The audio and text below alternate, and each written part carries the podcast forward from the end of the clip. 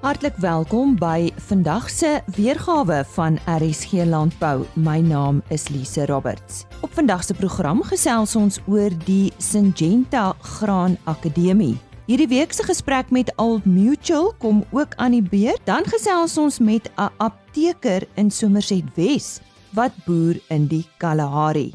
En Johan van der Berg praat oor weervooruitsigte.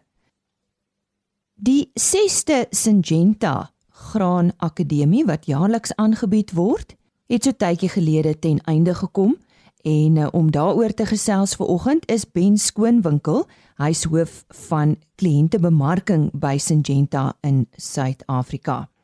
Olisa, ja, die program het reeds plaasgevind en uh, die program loop basies elke jaar oor so 'n tydperk van plus minus 4 maande. So hierdie jaar het die program die eerste sitting begin in Maart wat in Arabella was in Hermanus waar daar daarna 'n tweede sitting was in Junie weer by Arabella in in Hermanus vir 4 dae. En die laaste sitting was dan middel Julie gewees, ook vir 4 dae in Bloemfontein waar dan al die grade plegtigheid gevolg het. En uh, ja, wat die groep studente wat hierdie jaar betrokke was was so 22 van hulle wat die grade plegtigheid bygewoon het. En uh, die hele doel van van die Graan Akademie is om 'n platform te skep vir jong leiers vir van die toekoms om bymekaar te kom en begin te gesels oor moeilike gesprekke wat ons tans ondervind in die landbou en dan van hulle kant af te kom met oplossings wat implementeerbaar is en wat volhoubaar is vir die vir die landbou in die toekoms. Wie woon nou tipies so 'n akademie by? Ja, ons probeer die mense te motiveer of die jong leiers van môre. So dit is ehm um, dit is boere wat wat onder 40 jaar oud is en die diverse groep is vir ons ook baie belangrik om iemand te kry van alle fasette in die landbou. So hulle moet onder 40 jaar oud oud wees en dan is daar mans, dames, swart en wit. En mens kan dink um, as so 'n groep mense om tafel sit, hoe warm kan die gesprekke raak vir alles mens praat oor byvoorbeeld grondhervorming en mense voorts. En uh wie fasiliteer dit, Ben? Daar is 'n maatskappy ons Thinking Fusion is hulle naam. So hulle fasiliteer dit twee persone van Thinking Fusion. Ons doen dit natuurlik in samewerking met Graan SA en ook die Universiteit van die Vrystaat se Besigheidsskool. So wat ek ook vir die mense sê, dis nie net 'n gewone kursus wat hulle doen nie, maar saam met die Besigheidsskool plaas dit hierdie Graan Akademie net op 'n ander vlak. En uh dis baie professioneel en dit is regtig 'n leierskap kursus waar jy jouself kan ontwikkel as 'n jong leier in Suid-Afrika. En deel bietjie uh, jou siening oor vanjaar se kursus en die sukses daarvan. Uh, meet julle dit? Ja, basies ons het besluit om dit te begin meet van hierdie jaar af om basies te kyk die persone wat deelneem, is hulle kliënte van Syngenta tans, is hulle nie kliënte nie. En uh, hoe groei die besigheid by die spesifieke kliënte om hulle weer te gaan sien na die tyd en hulle dophou, maar hoe groei ons besigheid en ons verhouding met die met die groep wat daar was en ook terugvoer te kry van hulle, wat dink hulle was um, suksesvol, wat het gewerk en wat het nie gewerk nie en om ook te kyk, jy weet, hoe kan mens dalk moontlik dit verander in die toekoms byvoorbeeld om om dit nie net spesifiek in die familieboere bekend te stel maar ook gaan kyk na ander gewasse. Ons het hierdie jaar reeds al 'n paar studente van die Kaap ook gehad wat deel was van dit wat ons gesien het as ook suksesvol. Wanneer is die volgende ene? Die volgende ene se aansoeke sal oopmaak nou aan die einde van hierdie jaar en hy gaan dan weer begin dieselfde tyd. Maart 2019 sal die eerste sitting wees. So as daar jong boere is al buite of jy weet van iemand in jou gemeenskap wat sal belangstel in dit kontak jy Syngenta verkoopsbestuur in die area en uh, kom neem deel hier aan. Dit is 'n regte lewenservaring om deel te wees van so 'n groep mense en so 'n program. Nou ja, daardie aanmoediging het gekom van Ben Skoonwinkel, hy's hoof van kliëntebemarking by Syngenta en hy het gepraat oor vanjaar se Graan Akademie. Ek het ook met Jannie De Villiers van Graan Suid-Afrika oor die Graan Akademie gesels. Ja, ons is baie positief oor die uitkoms van van hierdie program en, en ek dink regtig in 'n sekere sin het dit my verwagtinge oortref. Jy weet hoe ons oor hierdie goed gekonseptualiseer het en daaroor nagedink het en die invloed wat ons wil hê, um, het ons miskien nie so die diepte van hulle leierskapsontwikkeling uh, raak gesien nie en ek dink die inhoud maak dat hierdie ouens baie beter leiers in hulle op hulle eie by hulle boerderye is, maar ook in hulle gemeenskap. En dan sien ons nou maar hierdie ouens raak as ons nou 'n georganiseerde landbou is lekker jong mense. Ons sien hulle deurkom en ek dink dit is eintlik met daai oog op daai belegging wat ons uh hulle dophou. Maar dit is nou nie asof mense dit in 'n beheerde metode doen en sê maar hierdie ou moet nou daar gaan doen of daai ou daar nie. Ons wil graag net beter landbouers sien en en ons leierskap verbeter en dit is die doel van die projek gewees in sy geheel so nee ons sien hulle al deurkom hulle begin in die bestuure dien op nasionale vlak in vir verskeie van die bedryfsorganisasies en ek dink dit maak ons opgewonde. Hoe sien jy die toekoms? Dink jy daar moet iets dalk verander aan die program? Wat wil jy meer sien? Ja, ek dink nou dat ons die eerste 6 jaar agter die rug het, het ons nou 'n bietjie uh, gesien wat die suksesresep is. Um, ek dink ook die eerste ding wat ons mekaar moet sê is ons wil hom iewerster dit waarskynlik 'n bietjie breër maak as graan. Ek dink ons moet 'n nou bietjie selfsugtig wees as ons nou net hierdie voordeel vir die graanbedryf spesifiek wil hou. So miskien uh, en ek dink die laaste een het ons nou begin ander bedrywe ook geleentheid gee om aansoek te doen vir dit. Ehm um, die tweede ding is ons moet ook 'n bietjie na 'n volgende vlak gaan kyk. Hierdie is 'n 'n program wat nou spesifiek op 'n klomp leierskapontwikkeling is, maar ek dink ons sal wil 'n bietjie meer praktiese ervaring ook vir ouens leer, miskien in 'n kleiner groepie as die as die 25 wat ons op die oomblik doen. Um, en dan natuurlik uh, jy weet is daar die die gedagte wat ons nou met Syngenta gepraat het oor om dit op 'n stadium Afrika te vat om te kyk of ons nie op daai wyse ook 'n bydrae kan maak tot voedselsekuriteit in ons kontinent nie. Maar uh, jy weet ek is opgewonde oor die interaksie. Daar's byvoorbeeld iets wat ons nie geantisipeer het nie, 'n klomp versoenende gesprekke wat ook plaasvind tussen produsente en veral nie produsente wat ook by die by die kursus opdaag as hulle hierdie moeilike goed soos grondhervorming en so aan adresseer dan dan kom daar stukke versoening deur mekaar se stories te luister in en dis vir ons regtig 'n baie groot uh, byproduk van van dit wat ons geantisipeer het. Die stem daar van Janie de Villiers, hoofuitvoerende beampte van Graan Suid-Afrika. En nou vir die gesprek met Old Mutual, sluit ons nou aan by Henny Maas. Ons gaan uh, nou gesels oor finansiële beplanning en uh, dinge soos aftrede voorsiening, dis dinge wat ons dikwels oor praat hier in RC landbou veral wat betref uh, landbouers. Maar die die keer uh, val die kollig op die boer se vrou. Ons praat 'n bietjie met LB Thatcher van Old Mutual daaroor. LB, wat is die die gemiddelde finansiële situasie van landbouers se vroue? Goeiemiddag, Jenny. Ons ondervinding in die mark en navorsing toon dat meer as 60% van die vroue het nie hulle eie finansiële plan nie. Hulle maak staat op die man se finansiële beplanning. Die probleem hiermee is dat 'n groot hoeveelheid van die man se finansiële beplanning ook tekort skiet. As ons byvoorbeeld kyk na aftreebeplanning, het net 21% van die mans voldoende aftreevoorsiening getref en 55% wil aftree, maar hulle kan nie onafhanklik van die boerdery aftree nie. Nou as jy mens kyk na boerdery besighede, wat familiebesighede is. Uh, wat is tipies die rol van die vrou daarin? Navorsing toon dat vrouens gewoonlik baie betrokke is by die besigheid. Baie doen die boekhouding en administrasie. Hulle is ook soms verantwoordelik vir die aankope van die boerdery en betalings. Die vrouens lewer dus waardevolle insette, maar baie keer word die fout gemaak dat die vrouens nie as werknemers vergoed word nie. Ja, hoe kan 'n boerdery potensieel finansiële voordeel trek uit uit 'n uh, vrou se betrokkeheid by die besigheid? En die boerdery kan die vrou betaal vir die werk wat sy verrig en die vrou kan dan byvoorbeeld haar eie uitredingsaniteit uitneem. Die vrou bou dus haar eie neseier op vir aftrede in die ongelukkige geval van egskeiding het sy dan ook haar eie aftreekapitaal. Met behoorlike beplanning kan die boerdery en die vrou belastingvoordele geniet deur dit op daardie wyse te doen. Nou wat is die belangrikheid van trusts en en wat moet 'n boer se gade hieroor weet? En die vrouens het baie keer trustees op 'n trust en begunstigdes, maar hulle weet nie regtig wat hulle pligte behels nie. Ek verduidelik altyd vir kliënte dat daar drie pilare is en as een van die pilare 'n kraak in het, dan stel dit die hele trust op risiko. En die pilare is trust administrasie moet korrek gedoen word, die raad van trustees moet reg wees en die trust akte moet op datum wees. Vrouens moet die regte vrae begin vra en seker maak dat hulle hulle pligte verstaan as hulle betrokke is in daai omstandighede. Nou, en wat staan vroue te doen as hulle die toekoms met finansiële sekerheid wil ingaan?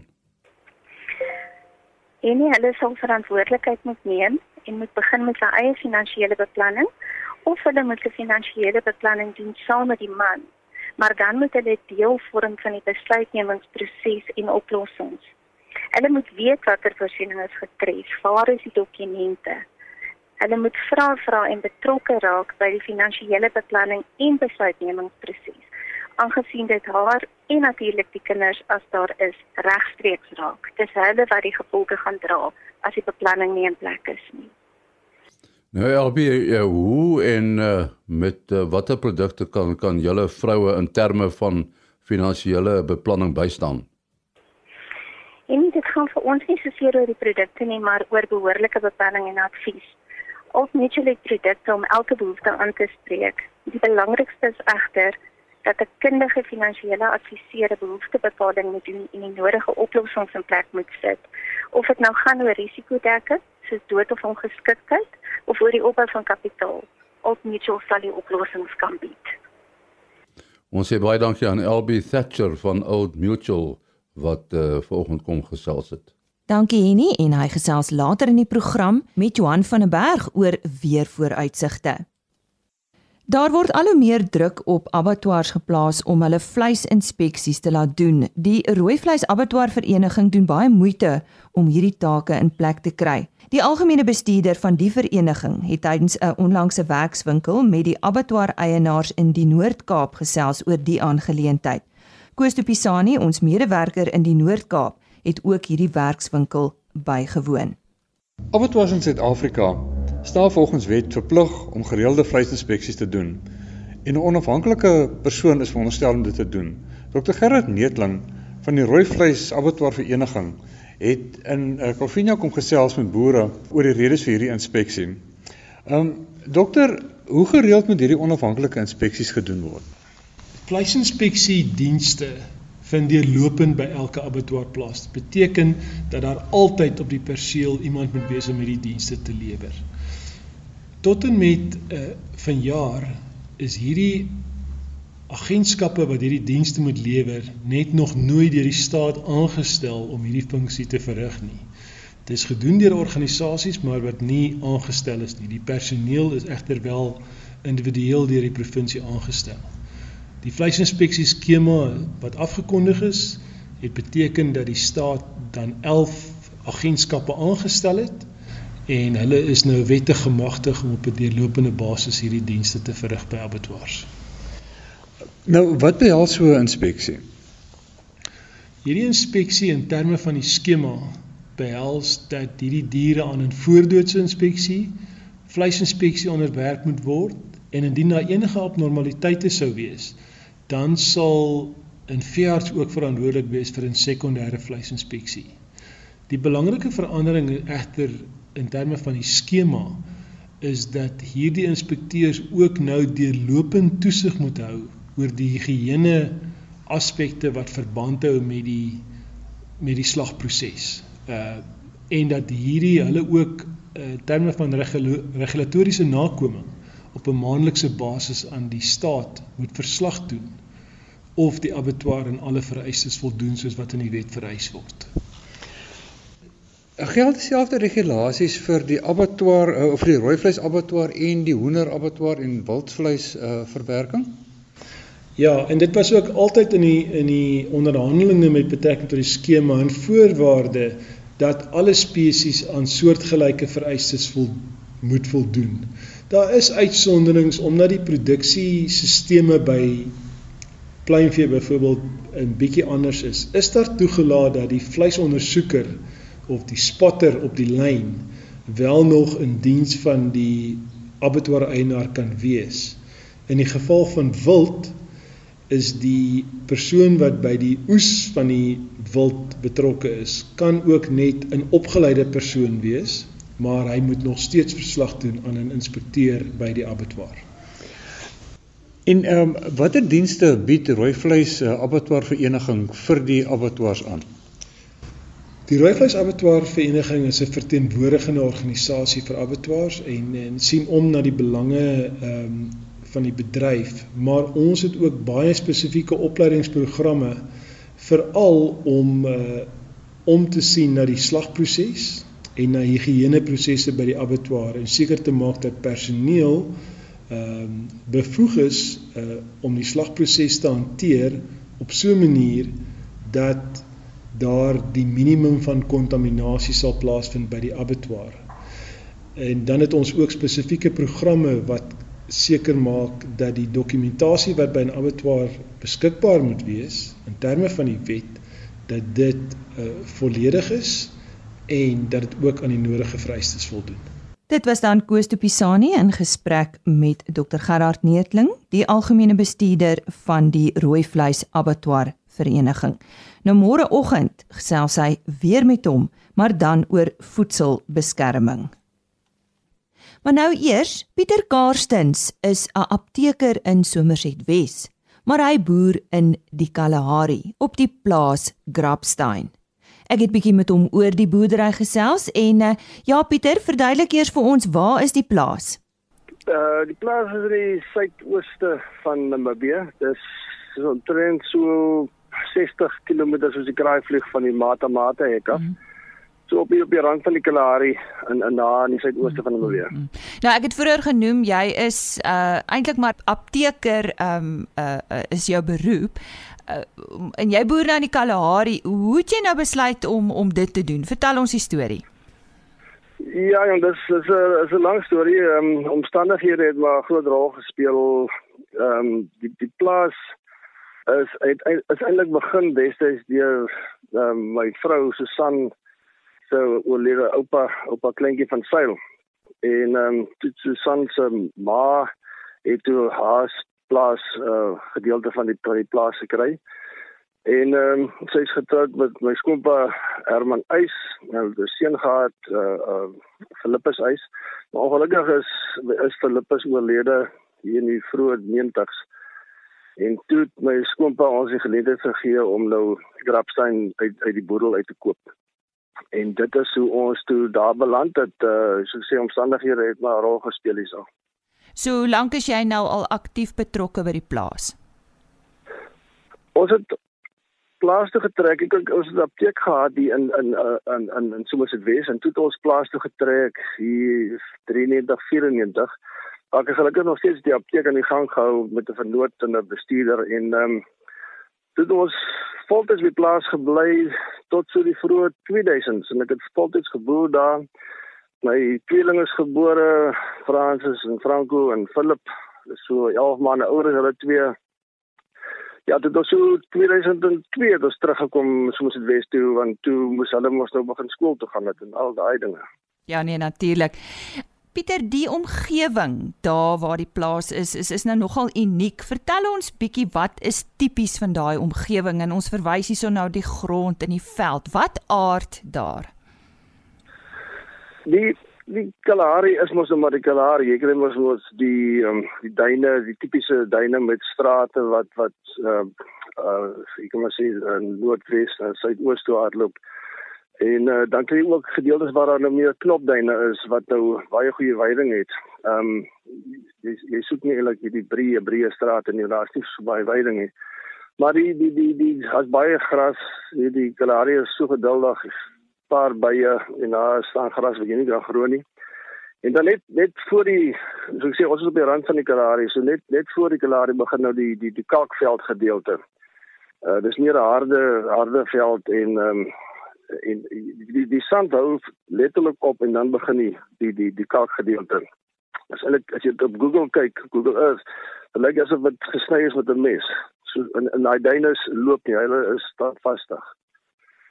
En en die diere, waarmee boer uh, die boere in die algemeen man daai omgewing? Ons weet nou van wild, maar wat nog? Waarmee boer jy? Nee, ek boer met met dorpers. Ehm um, ek het ook toe daar gekom het destyds uh, toe ek nog voltyds was, het ek ook 'n karakoolkudde gehad en en boerbokke en so aan maar dit uh, eh, karakoole moes ek maar ongelukkig laat laat gaan het want dis dis maar redelike hands on vir boerdery die keuse van die lammetjies, die ooetjies wat jy wil laat loop, die tipiese uh, vel eh, vel um, struktuur. En um, dan nou boer ek maar net met met um, met met dorpers ja. En plant julle enigiets aan? Ja, ons ons in die somermaande eh, doen ons 'n redelike uh, watermoenproduksie. Ehm um, wat is nog wat redelik besig hou. Ons plant so 13 hektar watermoen aan. Wat ek dan maar weet of ek ehm um, ons ry wind toe of ons ry die af Republiek toe na die mark toe. En in, in die wintermaande is ons waar ons met onsself besig met bietjie uh, biltongjagters ehm um, van die Republiek af. En die kennis oor die dorpers, hoe hoe het jy dit ingewin? Jong, dis hulle dan as niks is aan die job training hier. Maar maar ek het maar geleer, my skoonpa het my onder sy vlerk geneem, hy het my baie geleer. Ehm um, en ek het ook maar kursusse of twee gedoen destyds. En maar so dag vir dag maar bietjie bygeleer. Maar ek leer nou nog. En is daar nou vandag 'n bestuurder op die plaas as jy nie daar is nie? Ja ja, ek het ek het 'n voorman daar, Jan Josop. Hy is al jare by my en uh, dan is ook um, die bestuurder wat oorhoofs kyk na die die die boerdery en die admin en al die uh, goede. Nou Pieter is nogal uiteenlopend as ons nou dink aan dorpers en nou het jy waatlemoene. Uh vertel 'n bietjie van die waatlemoene. Wat vereis die aanplant van waatlemoene? Is dit redelik iets maklik? Ja, dis dis is nog 'n storie. Dan ons het die in twee die vroeë so die middel 2000s het ons 2003 4 jaar rond het ons krag gekry daar op die plaas. 'n Hele streek van ons en ehm um, ewe skielik toe ehm um, is daar redelik water beskikbaar wat jy kan maar so doppelpompe opsit. En toe het ek besluit maar ek gaan hom aanwaag met met uh, olywe. En ehm uh, ek het ook uh, toe daar heel eers by die by die departement van waterwese moes ek eers 'n permit kry om te mag besproei met met met um, ondergrondse water nommer 1. En uh, die olywe het so baie mooi gegroei. Ja, die bome was fantasties mooi, maar hulle wou nou ongelukkig net nie gedra het nie. Toe het ek maar intussen hulle het ek maar toe met die tyd begin water met 'n plant net om te, te kyk hoe dit hoe dit gewerk en dit het toe ongelooflik goed gewerk sodat uh, na 10 jaar het ek besluit nee wat die olywe ek weet nie, iets iets werk lekker en ek het ook maar die olywe gestop alles uitgehaal en ehm um, en toe net moet geplant en en ook wat my laat besef het dit is eintlik 'n uh, 'n uh, 'n produk vir die vir die vir die streek is omdat daar's mos jy kry mos jou jou ehm um, chama jy natuurlike chama wat daar voorkom hierdie manne wat ek klaar ken so weer so 'n ronde klein waterlemoentjie lyk soos 'n klein waterlemoentjie wat wat natuurlik voorkom daar is 'n rankplant. Jy kry jou wille komkommer wat ook 'n rankplant is. En en waterlemoen is met met hitte en water groei hy ongelooflik mooi daar. En om af te sluit Pieter, waarheen is jy op pad met daai plaas? Is daar nog ietsie wat jy wil doen? Is jy maar waar jy wil wees op hierdie stadium? Uh wat is jou toekomsplanne? Dit klink soos 'n politieke vraag. Ja, ehm um, nee, ek sou so vraag as moontlik nog daar wil boer want want sê ek ek is baie lief vir die Kalahari, dis dis dis is uniek as ek dit as dit die Kalahari is die wat my tel gekry het, dis sou ek sou al lank al seker plan gemaak het. Maar ja, dis dis moeilik om nou uh, antwoord te gee want weet die politiek en en en daai tipe goede speel ook maar 'n rol. Maar ek vertrou ehm um, ehm um, ons nog jare boere by plaas. Nou goed, as iemand bietjie wil gaan lees oor daai plaas, veral iemand wat so bietjie wil gaan skiet, daar is moontlikhede. Uh wat is julle webtuiste? Uh webtuiste is www.grapstein is g r a b s t e i n.co.za. Ehm um, die die die webwerf uh, Lisa is besig uh neig meer na vir jou weet om um, in, informasie te gee oor oor biltongjag uh vir die vir die jagters. Ehm um, ons ons maak dit as nie self reg vir vir trofeejag nie. Alhoewel daar loop hele paar trofee springbokke en gensbokke rond, maar dis mos nou weer 'n hele ander ballgame soos die Engelsman sê. Ja, sê daarmee baie dankie aan Pieter Karstens. Pieter is 'n uh, apteker in Somerset Wes wat boer in die Kalahari en hy het so 'n bietjie meer vir ons vertel van sy liefde vir die boerdery in die Kalahari en ook uh, wat op die plaas gebeur. En is jy belangstel om te hoor wat met die weer gebeur? Luister hierna. Ons uh, gesels nou met Johan van der Berg van uh, Santam Landbou oor die weer. Nou ons het so 'n bietjie lanklaas gesels Ons sit uh, moet ek nou sê in die stuiptrekkings van die winter, as ek reg Johan? En ja, ek hoop so. Ons het nou al 'n week of twee gelede ook gedink ons is in stuiptrekkings en ons het uh, die laaste week weer baie koue toestande ervaar. Maar dit uh um, dit lyk dit tog asof dit nou gaan begin warmer word en dat die somer uh, gaan begin voorkom. Die groot vraag natuurlik is wat gebeur met uh, El Nino of La Nina?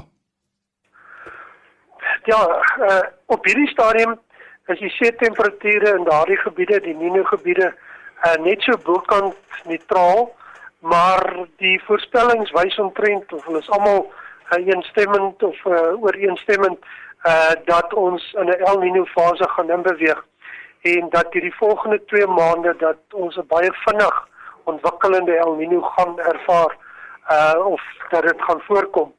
En die implikasies daarvan uh is baie interessant want almal dink El Nino uh is net het net een effek en dis droogte.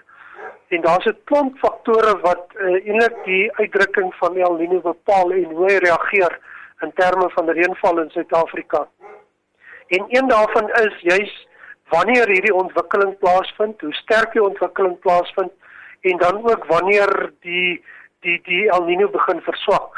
So met die huidige situasie waar ons nou verwag dat El Niño baie vinnig gaan ontwikkel, uh, gee dit dikwels 'n baie positiewe sein vir reënval uh, oor groot gedeeltes van die land vir die eerste deel uh, kom ons sê vir September, Oktober en November.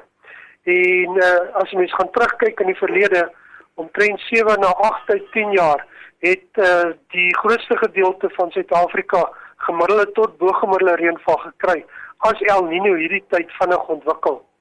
As jy mens gaan terugkyk in die verlede in 2015, ehm um, wat uh, wat daar ook 'n sterk El Niño was, uh, was Julie maand het ons al reeds uh, sterk El Niño, die see temperature was al uh, gevestig as warm. Die Indiese Oseaan was ook uh, in 'n positiewe fase wat eintlik sê dit was baie warmer as as normaal en die kombinasie van die twee het 'n baie sterk droogte in 2015 veroorsaak. In hierdie op hierdie stadium is dit nie die scenario nie. Dit lyk of die Indiese Oseaan so 'n bietjie warmer is normaal gewees. Uh maar uh, veral hier na die westelike gedeeltes, so dit gaan nie 'n groot effek oor dit hê nie. En tesame met die El Niño wat nou gaan begin ontwikkel en 'n goeie kans vir vir vroeë reën gee, uh tesame met die goeie grondvogtoestande oor groot gedeeltes van die land, ehm um, kan dit nog 'n redelike goeie seisoen gee. Ja, ek weet daar's groot gedeelte of gedeeltes van die Karoo wat nog baie droog is en dit lyk ook asof vir die volgende maand of twee die kanse vir daardie gebied uh kom ons sê so na die binneland van Port Elizabeth, daai gedeeltes van die Oos-Kaap wat veral baie droog is, dat daar ook 'n kans is vir reën vir vir daardie tyd. So oor die algemeen gesien, uh lyk dit nie asof dit 'n rampdroogte jaar gaan wees al is daar 'n El Niño. Die midsomer gedeelte sal waarskynlik droog wees uh, en warm, maar daar's heelwat versagtende toestande. Uh, en die Kaap het daarom 'n bietjie reën gekry dan. Ja, dit is dan een van die positiewe goed is dat ons van my maand af het ons redelik goeie reëns gekry. Ons het die laaste week weer goeie reëns gekry.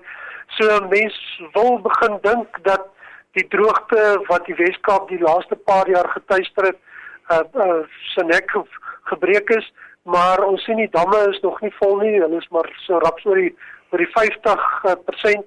So maar ten minste dit lyk nog asof September daar nog reën veral vir die vir die wintergraangebiede gaan gaan voorkom.